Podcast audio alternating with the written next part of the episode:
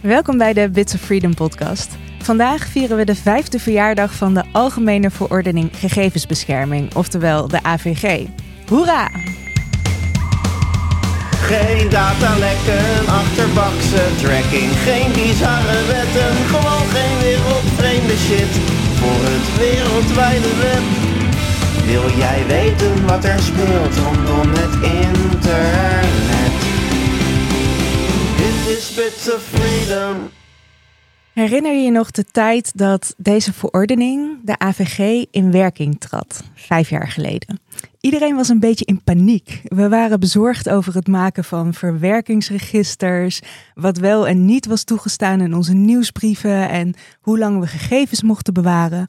Maar er was ook reden voor feest. De AVG, een Europese wet die de bescherming van persoonsgegevens regelt, zou een belangrijke rol gaan spelen in het waarborgen van ons recht op privacy. Onze persoonsgegevens zijn goud waard en worden verzameld door ontelbare organisaties, van overheden tot grote internetbedrijven. Denk bijvoorbeeld aan de Belastingdienst, maar ook de garage van je auto en de voetbalclub van je dochter. De AVG bepaalt hoe al die organisaties met onze gegevens moeten omgaan en wat onze rechten zijn. We deden vorig jaar onderzoek naar de naleving van de privacywet door de tien grootste gemeenten, die ongelooflijk veel gegevens van burgers verzamelen. De resultaten van dat onderzoek waren ronduit zorgwekkend. Gemeenten bleken bijvoorbeeld onvoldoende inzicht te hebben in hun gegevensverwerking en er is gebrek aan capaciteit en middelen voor gegevensbescherming bij de gemeente. Nou, we zijn nu weer een jaar verder. Nog steeds is het niet overal op orde. Zo werd de gemeente Amsterdam onlangs nog op het matje geroepen door de ombudsman en de autoriteit persoonsgegevens. De gemeente heeft namelijk de persoon die uitvoerend werk doet op het gebied van privacy, de privacy officer, ook toezicht laten houden als functionaris gegevensbescherming. Nou ja, genoeg te doen dus nog steeds om deze jarige verordening.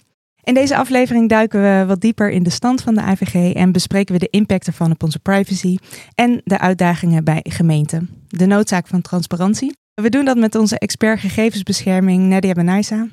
Hoi Nadia. Hoi. En natuurlijk met onze directeur Evelyn Austin. Hoi Inge. Hallo Evelyn.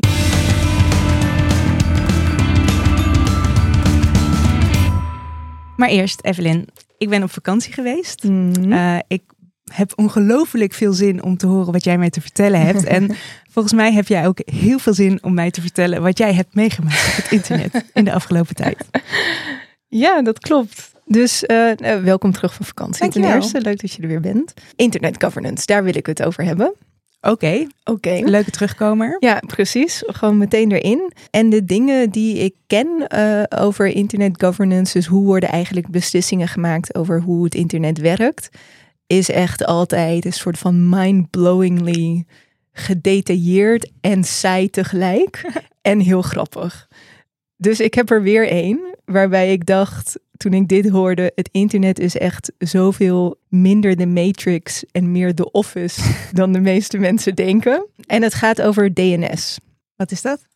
DNS is het Domain Name System en het is eigenlijk het systeem dat zorgt uh, dat wanneer jij bitsofreedom.nl intypt, er een vertaalslag wordt gemaakt naar het IP-adres waar die website staat. Dus het is een soort vertaalsysteem. Oh ja, want ik typ het in in letters, maar Mhm. een IP-adres zijn cijfers, toch? Precies. Nou, dus die vertaling van wat je typt, dus van die woorden naar het IP-adres van de server waar je de website te vinden, uh, uh, waar je de website kunt vinden, daar wordt het domain name system voor gebruikt. Um, en de meest platte uitleg daarvan is dat het een soort telefoonboek is. Dus een hele lijst, lange lijst van websites en hun locaties. Een hele lange lijst. Een, he een, hele lange lijst. Ik zeg de meest platte uitleg. Okay. Iets gecompliceerdere uitleg is dat die informatie soms te vinden is op je eigen computer. Dus soms heb je het gecached en weet je het dus al. Soms moet je het aan je provider vragen. Soms weet je provider het ook niet en dan gaat hij het bij andere servers waar die telefoonboeken staan navragen. Nou, dan, want het is het internet, heb je, de, heb je meteen de vraag: hoe zorg je dan dat je het, het juiste antwoord terugkrijgt? En dat je ook zelf kunt valideren dat dat het juiste antwoord is. Want je kunt je voorstellen als jij naar bitsofreedom.nl of naar abnamro.nl gaat, dan is het wel echt best wel belangrijk dat je weet dat de informatie die dan oppopt in je browser echt van die partij afkomstig is. Mhm. En het internet is super insecure. Dus daar moet best wel veel omheen worden geregeld om te zorgen dat we daar toch een beetje op kunnen vertrouwen. Een van die dingen is dat al die telefoonboeken uh, door middel van een cryptografische sleutel worden getekend. Ja. Dus het is eigenlijk een soort van digitale handtekening. En die handtekening, daarvan weet je dat je die kan vertrouwen. Ah ja. En nu, sinds 2010, hebben ze bedacht, er moet ook iemand zijn die de validiteit van die handtekeningen kan garanderen. Dus een soort handtekening onder de handtekeningen. Moet ik dit voor me zien als een soort telefoonboek vol met handtekeningen? Of hoe werkt dit? Uh, ja, nou, goede metafoor.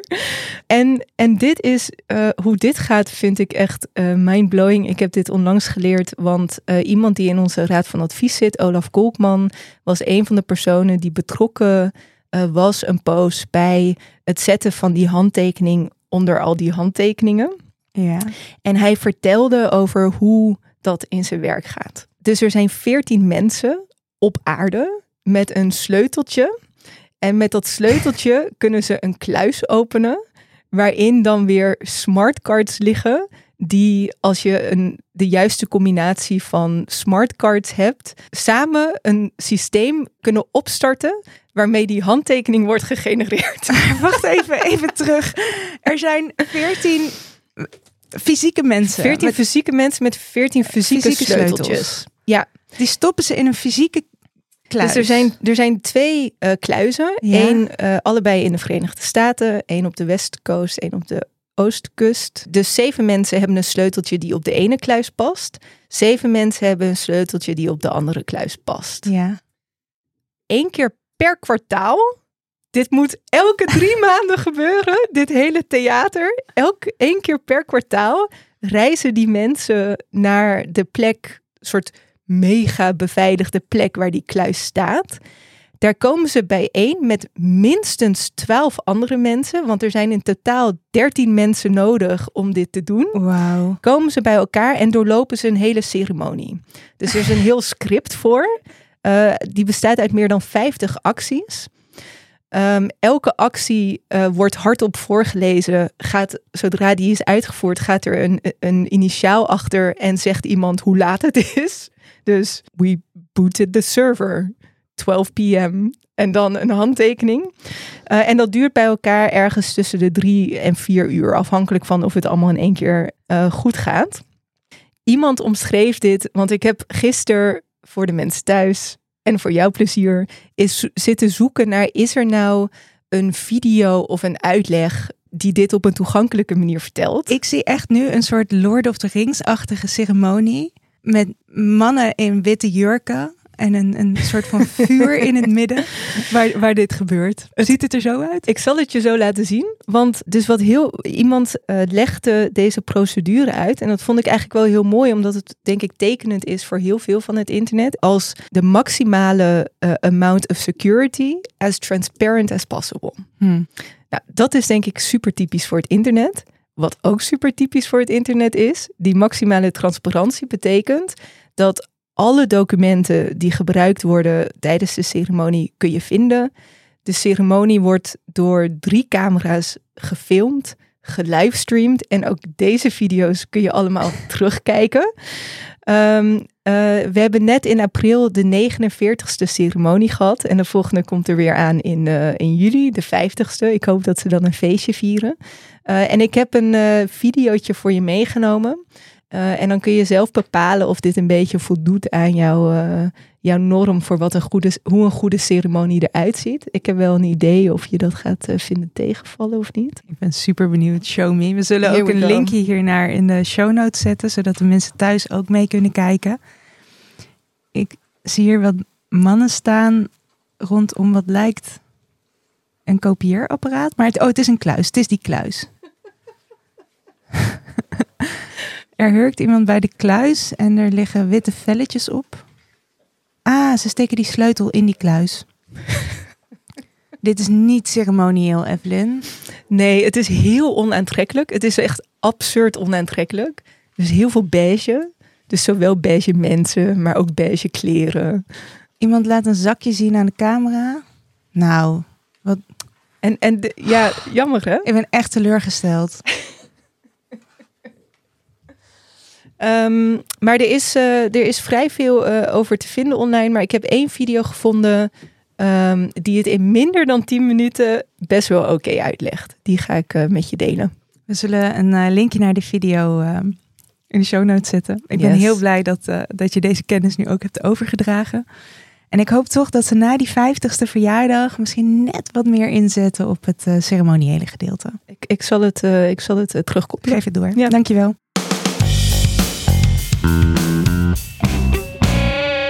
Nadia, de AVG, de Algemene Verordening Gegevensbescherming, viert zijn vijfjarige bestaan. En ik noemde het in de inleiding al even. Er is in die vijf jaar best wel wat te doen geweest eh, over de uitvoering daarvan.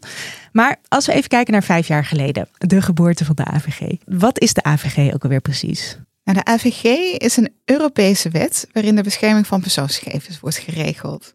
Dus in Europa hebben we een aantal verdragen waarin het recht op privacy als mensenrecht is vastgelegd en de bescherming van persoonsgegevens is daar een onderdeel van. En dat is dan uitgewerkt in de AVG. Met deze wet moesten mensen meer controle en zeggenschap krijgen over hoe er met hun persoonsgegevens wordt omgegaan.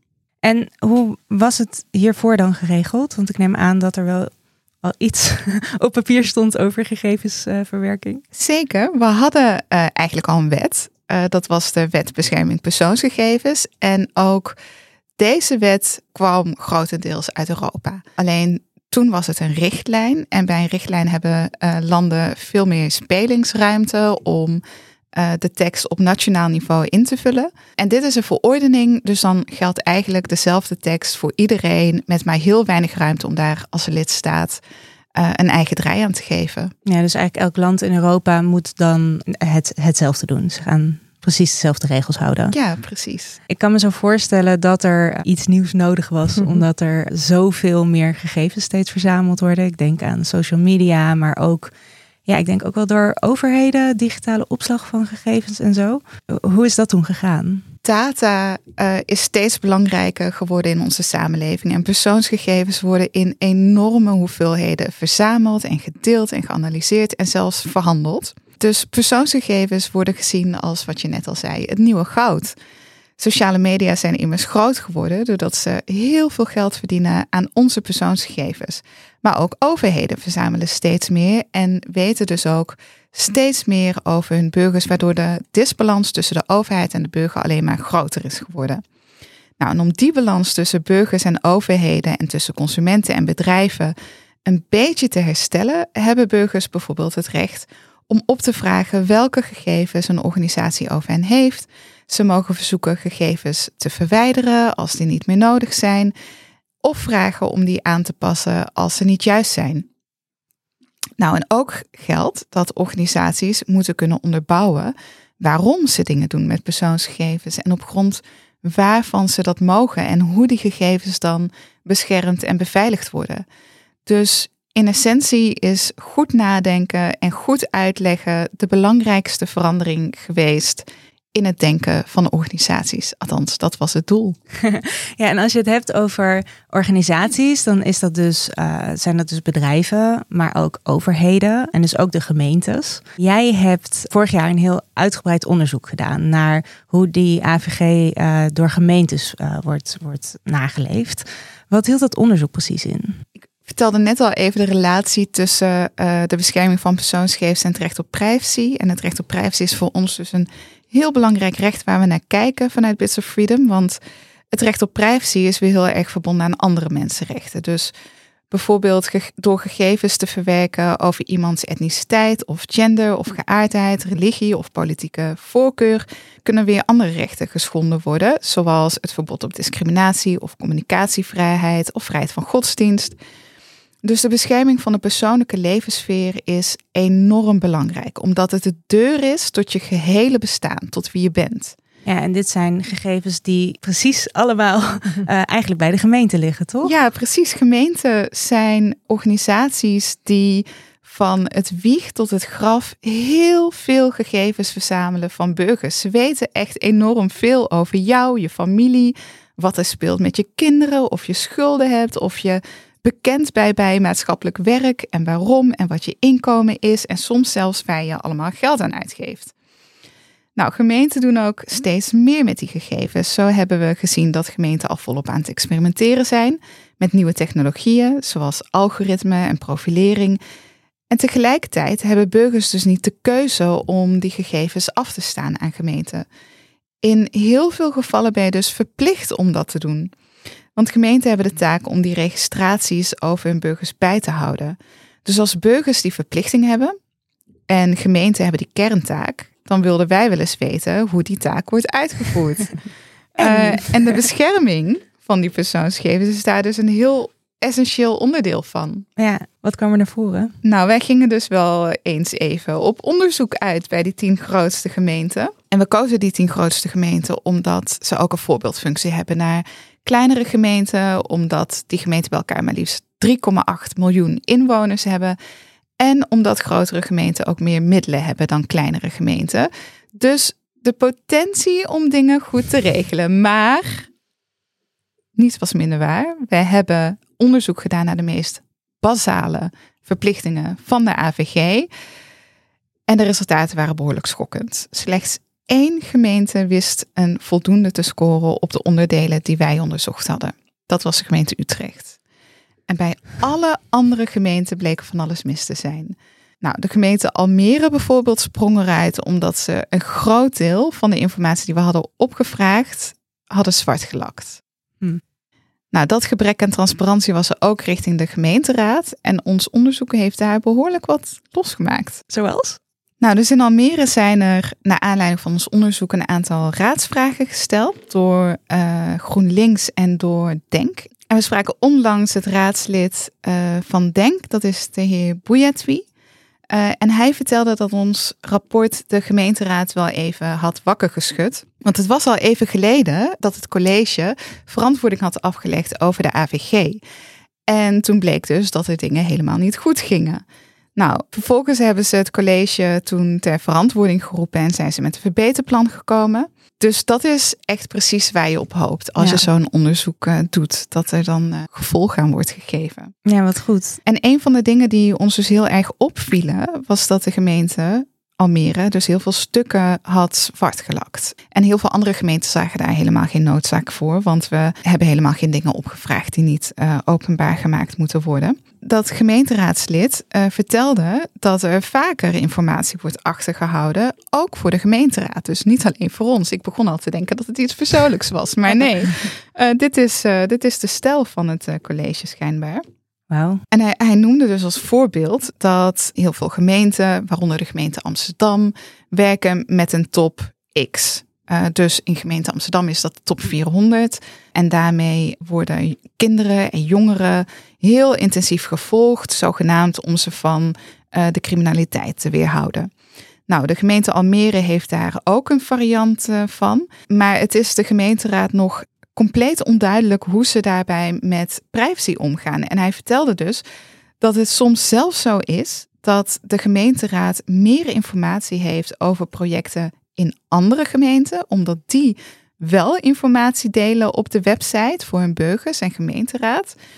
Terwijl het voor hen gissen is hoe dingen in hun eigen gemeente, waar ze zelf raadslid zijn, geregeld zijn. Maar hoe kan dit? Dit, mag toch niet? Ja, dat zou je denken. Maar ze zeggen, ja, we maken een afweging tussen transparantie, wat we heel belangrijk vinden, en de noodzaak om um, gegevens te beschermen. Ja, niet erg uh, overtuigend, want je, uiteraard moet je gegevens beschermen, maar als je niet wil uitleggen hoe je dat doet, waarbij het overigens helemaal niet gaat over persoonsgegevens, maar puur om de keuzes die je hebt gemaakt en de voortgang die je hebt geboekt, ja, dan ben je gewoon informatie aan het achterhouden die je volgens de wet helemaal niet achter hoort te houden. Niet oké. Niet oké. En een ander groot uh, probleem dat naar voren kwam, was dat het ook nog helemaal niet goed gaat met toezicht uh, binnen de gemeentes, toch? Je hebt veel contact gehad met een klokkenluider hierover. We noemen hem Erik. Kun je toelichten wat er uit die gesprekken naar voren kwam? Erik is een functionaris gegevensbescherming, de intern toezichthouder op het gebied van privacy. En volgens de wet moet hij tijdig en naar behoren betrokken worden. Nou, hij vertelde dat hij soms in de krant moest lezen waar zijn gemeente wel niet allemaal mee bezig was. En dat het dus voorkwam dat de gemeente dingen deed waar helemaal niet vanuit een privacy-oogpunt naar gekeken was. Laat staan dat er maatregelen waren getroffen om burgers te beschermen. Nou, hij gaf ook aan dat ambtenaren vaak niet goed op de hoogte zijn van de wetten die gelden. Dus van de bevoegdheden die gemeenten wel en niet hebben. Nou, hij zei: je kunt als overheid wel de beste bedoelingen hebben, en die zijn er meestal wel, die beste bedoelingen, maar je kunt gewoon niet zelf gaan bepalen wat je taken zijn. Uh, en wat we ook zagen op het gebied van toezicht, was dat het een paar keer voorkwam dat functies gecombineerd werden. En in Nijmegen werd bijvoorbeeld de rol van informatiebeveiliger, de CISO, gecombineerd met die van de toezichthouder, de functionaris gegevensbescherming. En dat is echt heel onwenselijk, want goed en onafhankelijk toezicht op de beveiliging is super belangrijk. Want het laatste wat je wil is dat de beveiliging niet op orde is, met als gevolg dat de meest vertrouwelijke gegevens die je hebt van burgers op straat komen te liggen. Nou, we spraken laatst met die wethouder van de gemeente Nijmegen om te vragen hoe het er nu voor staat. En hij gaf aan dat de rollen nu strikt, strikt gescheiden oh, zijn. Dat goed. Ja, dus er is voortgang. Uh, en er is heel goed nagedacht over de positionering van die verschillende rollen, vertelde hij. Dus de privacyadviseurs zitten ergens waar ze ook toegankelijk zijn voor de organisatie. De toezichthouder zit tussen andere toezichthouders op een andere afdeling. En de wethouder benadrukte hoe belangrijk het is om een onafhankelijke en kritische toezichthouder te hebben, zodat het bestuur en de rest van de organisatie ook scherp gehouden uh, kunnen worden. Nou, dat stemt hoopvol, maar het is, het is dus nog niet overal. Na vijf jaar is het wel hoopvol dat gemeentes eindelijk de, de taken scheiden en het, uh, het belang hiervan in gaan zien. Lekker bezig.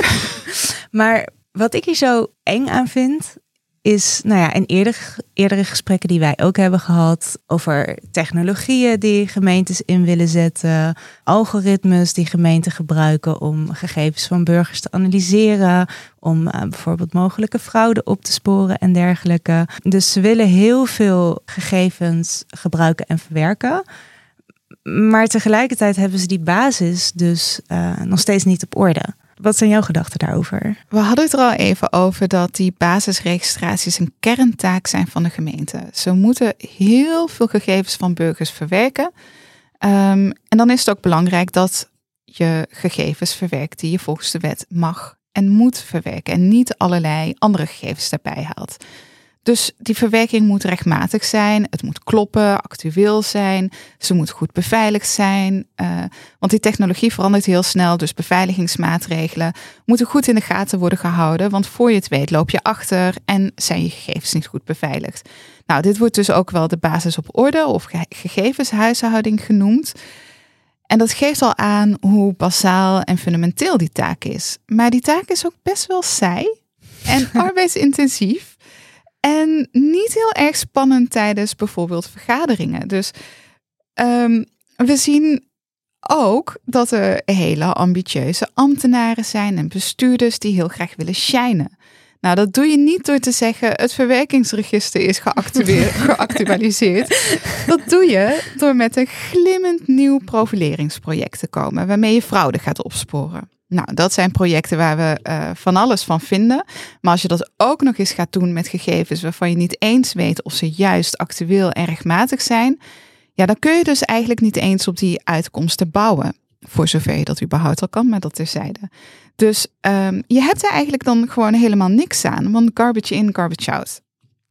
Nou, en die scheefgroei in prioriteit is echt heel problematisch. Je hoort bij een gemeente te werken omdat je burgers van dienst wil zijn en omdat je um, uh, de taken die in de wet zijn vastgelegd wil uitvoeren. Niet omdat je als persoon heel graag wil shinen met spannende datatechnieken die je niet eens snapt.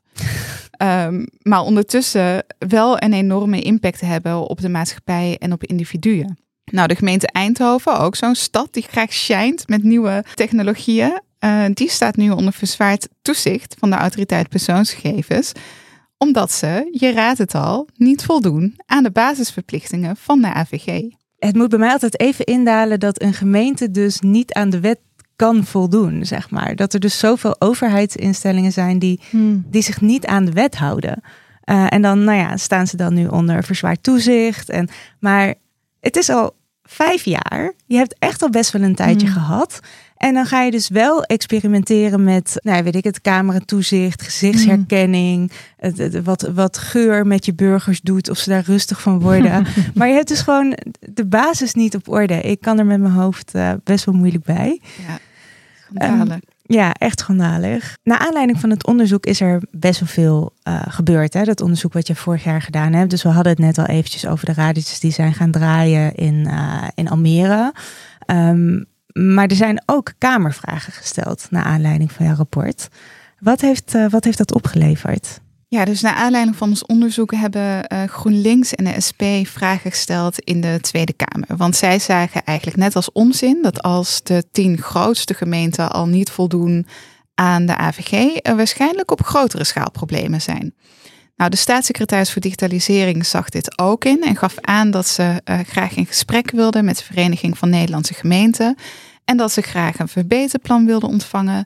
En ook wilden ze weten wat het kabinet zou kunnen doen om de situatie te verbeteren. Even voor mij, wat is dan de rol van de Vereniging voor Nederlandse Gemeenten hierin? Eh, de Vereniging van Nederlandse Gemeenten, eh, daar zijn eigenlijk alle gemeenten bij aangesloten. Eh, die zijn heel faciliterend naar gemeenten toe. Dus die helpen eh, gemeenten op weg als er een nieuwe wet is eh, met praktische hulpmiddelen. Ja, dus dat zou echt de aangewezen partij zijn om hier gemeentes ook weer verder op weg te helpen. Om hier de basis wel op orde te hebben. Ja, precies, want die staan in heel goed contact met al die gemeenten. Dus dat eh, zou bij uitstek een goede organisaties zijn. Maar is dat, is dat dan ook wat er misgaat? Dat de gemeenten niet weten wat ze moeten doen? Of hoe ze het goed moeten doen? Nee, ik denk dat gemeenten heel goed weten wat ze moeten doen en wat hun verplichtingen zijn. Want ze hebben echt genoeg tijd gehad om daarachter te komen. En Mm. hebben onderling ook prima contact met elkaar. Ehm, maar het is wel opvallend dat nog steeds heel veel gemeenten tegen dezelfde problemen aanlopen misschien wat minder praktische uitleg over hoe dingen gedaan moeten worden, maar wat praktische schoppen onder de kont wat ze nodig hebben. De gemeentes, maar nou ja, ook heel veel andere overheidsinstellingen hebben gewoon, nou ja, vijf jaar lang al best wel wat moeite eh, met de naleving van die verordening. Je zegt al, ze hebben eigenlijk gewoon wat schoppen onder hun kont nodig. Wat denk je dat er moet gebeuren om die AVG nou echt goed te laten werken en onze privacy beter te beschermen? Vijf jaar geleden was er dus nog best wel angst voor die boetes. Want opeens konden er miljoenen boetes worden opgelegd. eh, als, je, als je dingen niet goed deed. Dat kon de autoriteit persoonsgegevens dan doen. Nou, die angst is wel weg. Eh, want heel veel organisaties zien een toezichthouder die nergens tijd voor heeft en amper blaft, laat staan bijt. Burgers die dachten bij diezelfde toezichthouder terecht te kunnen eh, met klachten, zijn ook van een koude kermis thuisgekomen. Want de AP zegt dat ze meer klachten krijgen dan ze aankunnen. En ondertussen komen er steeds meer taken bij, bijvoorbeeld die van een algoritmewaakhond, waarbij ze zich als soort van coördinator algoritme kunnen bemoeien, maar wederom niet beschikbaar zijn voor burgers. Eh, en daar wordt dan bijzonder weinig geld voor vrijgemaakt. Dus eigenlijk doet die autoriteit persoonsgegevens niet wat ze moeten doen.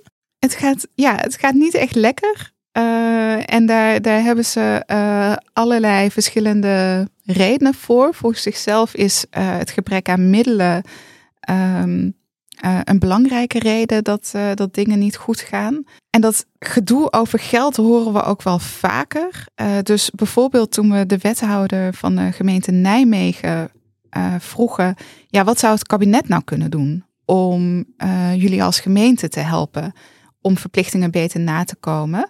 Eh, daarop zei hij dat veel taken bij gemeenten terechtkomen, maar dat gaat dan niet altijd gepaard met voldoende middelen die daarvoor worden vrijgemaakt. En bovendien is dan ook niet altijd goed in de wet geregeld dat gemeenten bepaalde taken mogen uitvoeren, waardoor ze dus eigenlijk opdrachten krijgen om gegevens onrechtmatig te verwerken. Hoe bedoel je dat?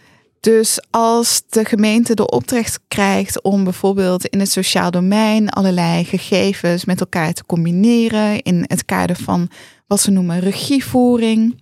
Uh, dus dat doen ze onder het slogan van één regisseur voor één gezin uh, met één plan.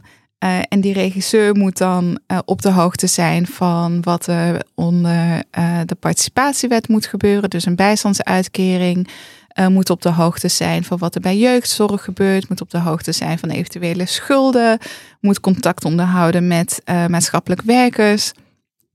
Nou, dat zijn uh, allerlei taken die eigenlijk helemaal niet bij één ambtenaar horen. Want dan heb je veel meer informatie over een uh, burger dan je uh, zou mogen hebben volgens de wet. Maar die taak krijgen ze wel, maar niet volgens de wet. Die, de, er is gewoon een minister die dan zegt: Ja, ga dat lekker doen, gemeente. Um, nou ja, vervolgens willen gemeenten aan die boodschappen gehoor geven. En komen ze erachter, hé, hey, dit mag eigenlijk helemaal niet volgens de wet. Dus eigenlijk zijn er dan twee dingen vanuit Den Haag. Dus een, een bepaalde vraag aan gemeentes die, waar ze eigenlijk vanuit de wet niet aan kunnen voldoen. Maar ook te weinig geld om uh, nou ja, voldoende tijd vrij te maken om zich aan de AVG te houden. Zie ik dat goed? Ja, klopt. Ja, en uh, wat dat betreft loopt dat best wel in lijn met wat de autoriteit persoonsgegevens zegt. We hebben veel te weinig middelen. Uh, er zijn vast veel meer problemen bij de autoriteit persoonsgegevens. Uh, maar er is een onderzoek uitgevoerd naar de middelen die de uh, AP krijgt. En daar zou echt veel meer bij moeten, volgens die onderzoekers. Um, ja, dus voldoende geld, dat is heel belangrijk. Maar er moet ook echt beter nagedacht worden over wat en waarom we met gegevens doen dan zit je weer op wat wel en niet leuk is binnen zo'n raadsvergadering. En ik snap natuurlijk wel de, de menselijkheid daarin. Hè? Dus dat, je, mm. dat het soms gewoon heel saai is om het vijf uur over een verwerkingsregister te hebben. Of dat het niet leuk is om bijvoorbeeld in een kleine gemeente te zeggen dat je best wel directe collega het niet goed doet. Mm. Want daar komt het denk ik ook best wel vaak op neer, toch? Ja, dat, dat kan soms inderdaad de boodschap zijn. En als er nou één ding is waarvan je zegt, als dit verbetert, dan zitten we hier uh, volgend jaar of over twee jaar. Uh, en dan gaat het echt een stuk beter met, uh, met de AVG. Wat zou dat dan zijn? Echt veel beter nadenken over waarom je bepaalde gegevens nodig hebt. Het is altijd maar handig, altijd maar spannend. Maar dat is echt absoluut geen, geen reden voor succes. Je kunt zo ongelooflijk de mist ingaan met hele handige data. En de impact op de maatschappij en burgers is echt gigantisch. Of kan in ieder geval gigantisch zijn. Eerst denken dan doen. Eerst denken dan doen.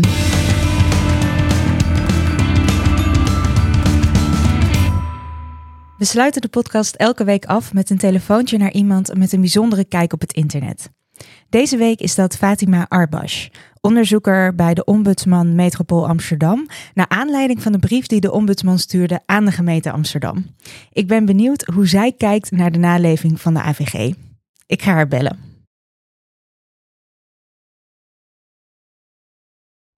Fatima. Hoi Fatima, met Inge van Bits of Freedom. Hey, uh, jullie hebben de gemeente Amsterdam uh, op het matje geroepen, omdat ze de privacy officer ook toezicht hebben laten houden.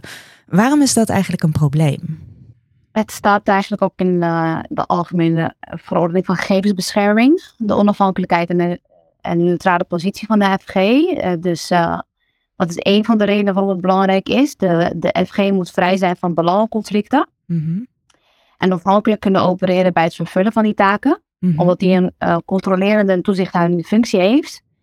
En een privacy officer die houdt zich in, in de praktijk ook wel bezig met privacy, maar meer met advies en beleidsontwikkeling. En die twee kunnen elkaar uh, versterken. En ze werken samen, of ze zijn in ieder geval betrokken bij het adviseren en ontwikkelen van een privacybeleid. Mm -hmm.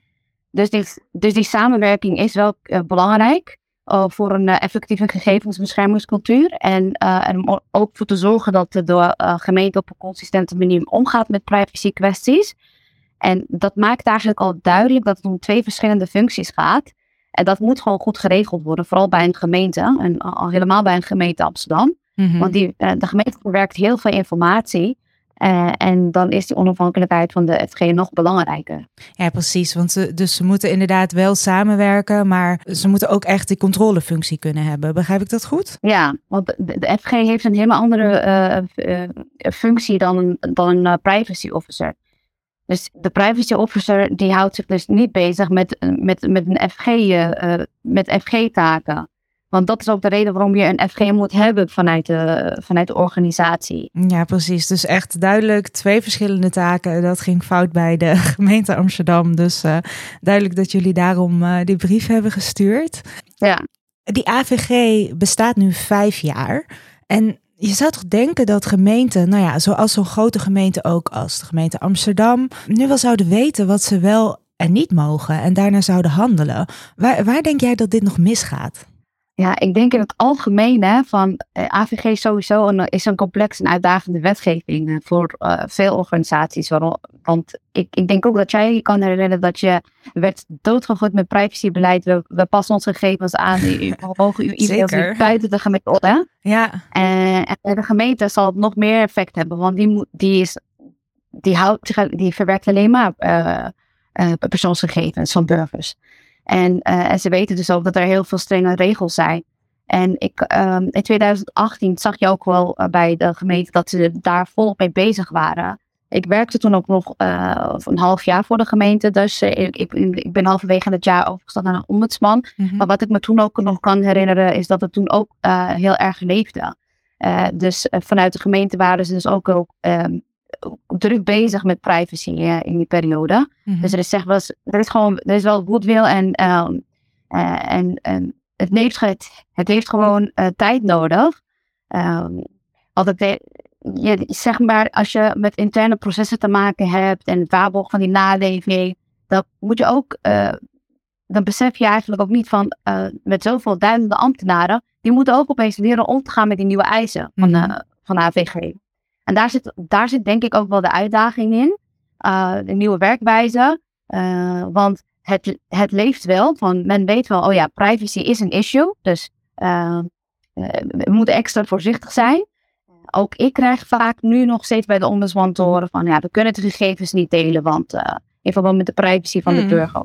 Dus het leeft wel. Ja. En in dit geval is het een goed voorbeeld, want het is niet terecht. Want we mogen natuurlijk wel informatie krijgen op het moment dat we uh, een onderzoek starten. Ja, precies. Er zijn gewoon veel mensen, veel mensen die ook al lang daar werken, dus gewend zijn aan bepaalde processen. Ik kan me voorstellen dat er zo lang, uh, lang tijd overheen gaat. Maar nou ja, ik hoop toch wel dat na die vijf jaar en nu ook um, nou ja, met weer extra aandacht uh, ervoor uh, door jullie brief dat ze het nu toch ook eindelijk eens uh, goed gaan regelen. Ik kan me ook voorstellen dat jij als onderzoeker bij de ombudsman echt best wel veel gezien hebt op het gebied van overheidshandelen en de wijze waarop er met persoonsgegevens wordt omgegaan. Wat voor dingen kom jij nog meer tegen waarvan je denkt, oei, dit, dit moet toch wel echt anders? Ja, ik kan me wel nog wel een voorbeeld, uh, een dossier herinneren. Um, dat was van van een vrouw die, uh, die had een uh, tijdje terug uh, een klacht ingediend bij de ombudsman. Mm-hmm. omdat ze er maar niet uitkwam met de gemeente. Want ze had een, ze zou geld terugkrijgen naar aanleiding van de uitspraak van, van de rechter. Mm-hmm. En dat, dat zou dus worden. Dat, je zou denken dat dat zo geregeld is, maar dat, is, dat was dus niet zo. Want um, de afdeling die de uitbetaling zou verzorgen, die eiste dus dat er een kopie van de ID en uh, bankpas werd aangeleverd. Dus de mevrouw communiceerde met de afdeling juridische zaken. Mm-hmm. En juridische zaken moesten doorgeven aan uh, financiën. Dat, ik noem het even de afdeling financiën. En, uh, en die gaf aan telkens van nee, ik heb een kopie ID en bankpas nodig voordat we kunnen betalen. Mm-hmm. En dus mevrouw heeft hier terecht over geklaagd. Uh, en dan zie je weer wel van de wil vanuit juridische zaken. Ja, we willen het uitvoeren, maar de afdeling die verantwoordelijk is voor de uitbetaling, die gaat, niet over, die gaat, daar, niet, uh, die gaat daar niet in mee. Ja. En dat is dan weer een, een verouderde werkwijze. Ja, precies. Dus vroeger werd er dan uh, om die bankpas en paspoort gevraagd. Uh, misschien komt het ook niet zo vaak voor. Dus dan kom je weer uit bij mensen die gewend zijn aan bepaalde processen. Die het dan toch gewoon zo blijven doen in plaats van meebewegen met die nieuwe wet. Ik denk wel dat het, het vaker uh, voorkomt. Want het, het, dat kan, ik kan me niet voorstellen dat de gemeente niet aan de burger zou moeten uitbetalen. Mm. in die periode voor, kan ik me, dus als je jaren teruggaat kan ik me wel voorstellen dat je in die tijd, omdat dat een, toen nodig was om te kunnen controleren of IBAN klopte, et, nee, bankrekening klopte, et cetera. Mhm. Want dat was er niet. Maar nu heb je IBAN, dat is volgens mij ook goed te controleren. En, of, uh, en, de, en de voorletter en de achternaam, zouden moeten corresponderen voordat je het geld overmaakt. Maar dan heb je natuurlijk te maken met één, de, eh, de, pro- de processen binnen de gemeente. Dus hoe, eh, hoe richt je procedure in? En hoe kun je controleren of we te maken hebben met de juiste persoon? Nou, we hebben DigiD al jaren. Ja. Dus er zijn een, digita, eh, een, een DigiD voor de gemeente bijvoorbeeld. Dat zou optie kunnen zijn. En nu denk ik in oplossingen. En ik hoef niet te denken voor de gemeente. Maar dat je vraagt of het idee eh, en een band past. Ja, dat kan eigenlijk echt niet. Toch wel belangrijk, ook al is de goede wil er, dat ze natuurlijk ook echt de processen erop aanpassen. En ook individuele ambtenaren zich aan de wet houden. Want daar komt het dan, eh, komt het dan natuurlijk op neer. Ja, dit laat dus ook wel van zien hoe groot de gemeente is eigenlijk. Ja, precies. Het zijn gewoon heel veel mensen, heel veel processen. Het moet door heel veel afdelingen heen. En ja, dan is er natuurlijk ook veel kans eh, dat het ergens misgaat. klopt. Ik vraag me ook nog af, wat is eigenlijk de belangrijkste vooruitgang die jullie hebben gezien sinds de invoering van de AVG? Privacy is dus wel altijd een hot item bij de gemeente. Mhm. Want als er iets wordt ontwikkeld, dan staat dat altijd bovenaan. En dan kijken ze van hoe kunnen ze rekening houden met privacy en de gegevensbescherming. Eh, een van de, wat, ik, wat ik mooi vond om te zien, eh, eh, dat de gemeente gewoon actief haar ambtenaren ook in- informeert over bepaalde beveiligingsissues, zoals bepaalde apps. Mhm. TikTok was er een daarvan. En daar heeft de gemeente ook wel echt duidelijk over gecommuniceerd. Van, eh, eh, dat, dat gaan we, die mag je niet gebruiken op je werktelefoons. En we gaan ze ook verwijderen en ook blokkeren. Mhm. Ja, dat, zijn, dat, dat vind ik een mooie ontwikkeling. Dat het gewoon heel snel gaat. Dat, dat het zo snel kan gaan. Ja, dus dat zou wel scherp zijn en daar ook direct actie op ondernemen. Eh, Kijk, dit is een mooie ontwikkeling. Maar aan de andere kant zie je dus ook dat het een belemmering kan vormen voor de gemeente. Als ze eh, eh, iets vanwege privacy niet, niet kunnen delen. Net zoals dat voorbeeld wat ik had aangegeven van... Ja, we kunnen de gegevens niet delen met de ombudsman. En dan is het een kwestie van herhalen, herhalen. En eh, misschien ook werken aan je eigen imago. We, we hebben bijvoorbeeld ook informatie klaarstaan om direct te delen als we dit antwoord krijgen. Maar het neemt niet weg dat het tijd in beslag neemt, hè, omdat je het liefst direct aan de slag wil gaan. Ja, precies. Dus jij, eigenlijk als jij een onderzoek wil starten, loop je er gewoon wel eens tegenaan dat er vanuit de gemeente dan komt van, nou, wij, wij mogen dit helemaal niet met jullie delen. Ja, of we weten niet of we het mogen delen. Waar staat dit? Dus, zo- eh, dus ja, privacy is wel altijd, eh, het heeft gewoon twee kanten. Het is heel belangrijk, ook voor de ambtenaren. Je Mhm. ziet ook dat ze dat daar aan denken. Maar soms kan het gewoon even, eh, duurt het even voordat je verder kunt gaan. Ja, En ik denk ik dat het op alle, op alle gebieden is. Dus niet alleen maar vanuit mijn werk, vanuit ombudsman, maar ook als ze bijvoorbeeld iets gaan ontwikkelen, dat ze dan toch nog goed, goed moeten uitzoeken van, kunnen we dit wel? Eh, eh, of mogen we dit, eh, of mag dat helemaal niet? ja. En dan is het gewoon eigenlijk anders denken. Niet per se waarom kan iets niet of mag iets niet, maar ook kijken hoe je het beste uit, uiting kan geven met respect naar de bescherming van de persoonsgegevens. Ja, precies. Nou ja, dat vind ik heel erg mooi gezegd. En ik vind het eigenlijk ook wel fijn om te horen dat er, dat er dus wel eh, in processen in ieder geval met die privacy rekening wordt gehouden. Maar dat ze misschien nog iets beter in de vingers moeten krijgen van, nou ja, wanneer mag ik iets wel? Hè? Dus wanneer mag ik bijvoorbeeld iets delen voor een onderzoek van de ombudsman? En wanneer mag het absoluut niet? En eh, gaan wij ook een lijn over en voldoen we gewoon eh, niet meer aan de wet? En het blijft mensenwerk, hè? Ja, en het zijn veel mensen bij elkaar, zoals je net al zei. Ja. nou ja, in ieder geval heel fijn dat je hier eh, even met ons over in gesprek wilde gaan. Een hele interessante ontwikkeling ook bij de gemeente Amsterdam. Ik ben heel benieuwd eh, wat, er, eh, wat er nog gaat volgen en eh, wat jullie nog meer tegen gaan komen in jullie onderzoeken. In ieder geval heel erg bedankt voor je tijd. Graag gedaan, dankjewel. Yes, oké, doeg.